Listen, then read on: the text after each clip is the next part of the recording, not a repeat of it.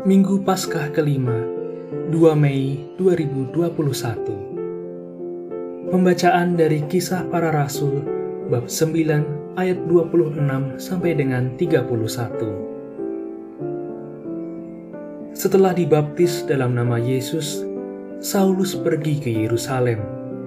Di sana ia mencoba menggabungkan diri dengan murid-murid Yesus, tetapi semuanya takut kepadanya karena mereka tidak dapat percaya bahwa Saulus juga seorang murid.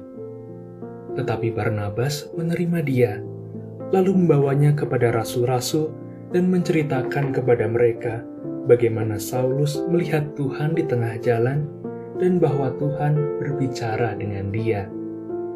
Juga diceritakannya bagaimana keberanian Saulus mengajar di Damsyik dalam nama Yesus.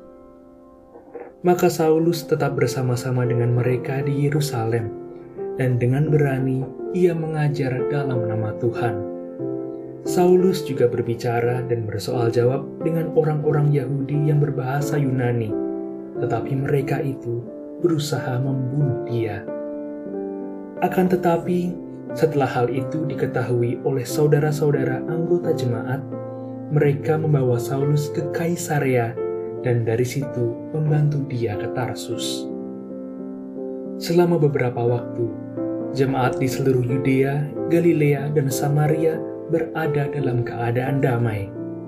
Jemaat itu dibangun dan hidup dalam takut akan Tuhan.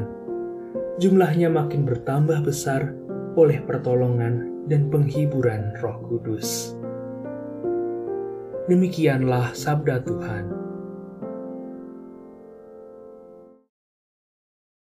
Pembacaan dari surat pertama Rasul Yohanes bab 3 ayat 18 sampai dengan 24. Anak-anakku, marilah kita mengasihi bukan dengan perkataan atau dengan lidah, tetapi dengan perbuatan dan dalam kebenaran. Demikianlah kita ketahui bahwa kita berasal dari kebenaran dan kita dapat menghadap Allah dengan hati tenang. Sebab jika kita dituduh oleh hati kita, Allah adalah lebih besar daripada hati kita, dan Ia mengetahui segala sesuatu. Saudara-saudaraku yang terkasih, jikalau hati kita tidak menuduh kita, maka kita mempunyai keberanian penuh iman untuk mendekati Allah. Dan apa saja yang kita minta dari Allah, kita peroleh daripadanya karena kita menuruti segala perintahnya dan berbuat apa yang berkenan kepadanya. Dan inilah perintah Allah itu, yakni supaya kita percaya akan nama Yesus Kristus anaknya, dan supaya kita saling mengasihi sesuai dengan perintahnya yang diberikan Kristus kepada kita.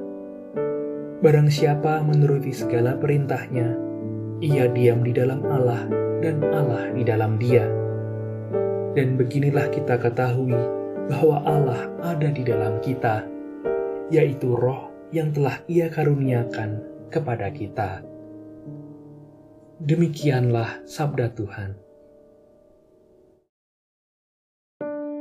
Inilah Injil Yesus Kristus menurut Yohanes bab 15 ayat 1 sampai dengan 8. Dalam amanat perpisahannya, Yesus berkata kepada murid-muridnya, Akulah pokok anggur yang benar, dan Bapakulah pengusahanya. Setiap ranting padaku yang tidak berbuah dipotongnya, dan setiap ranting yang berbuah dibersihkannya supaya berbuah lebih banyak.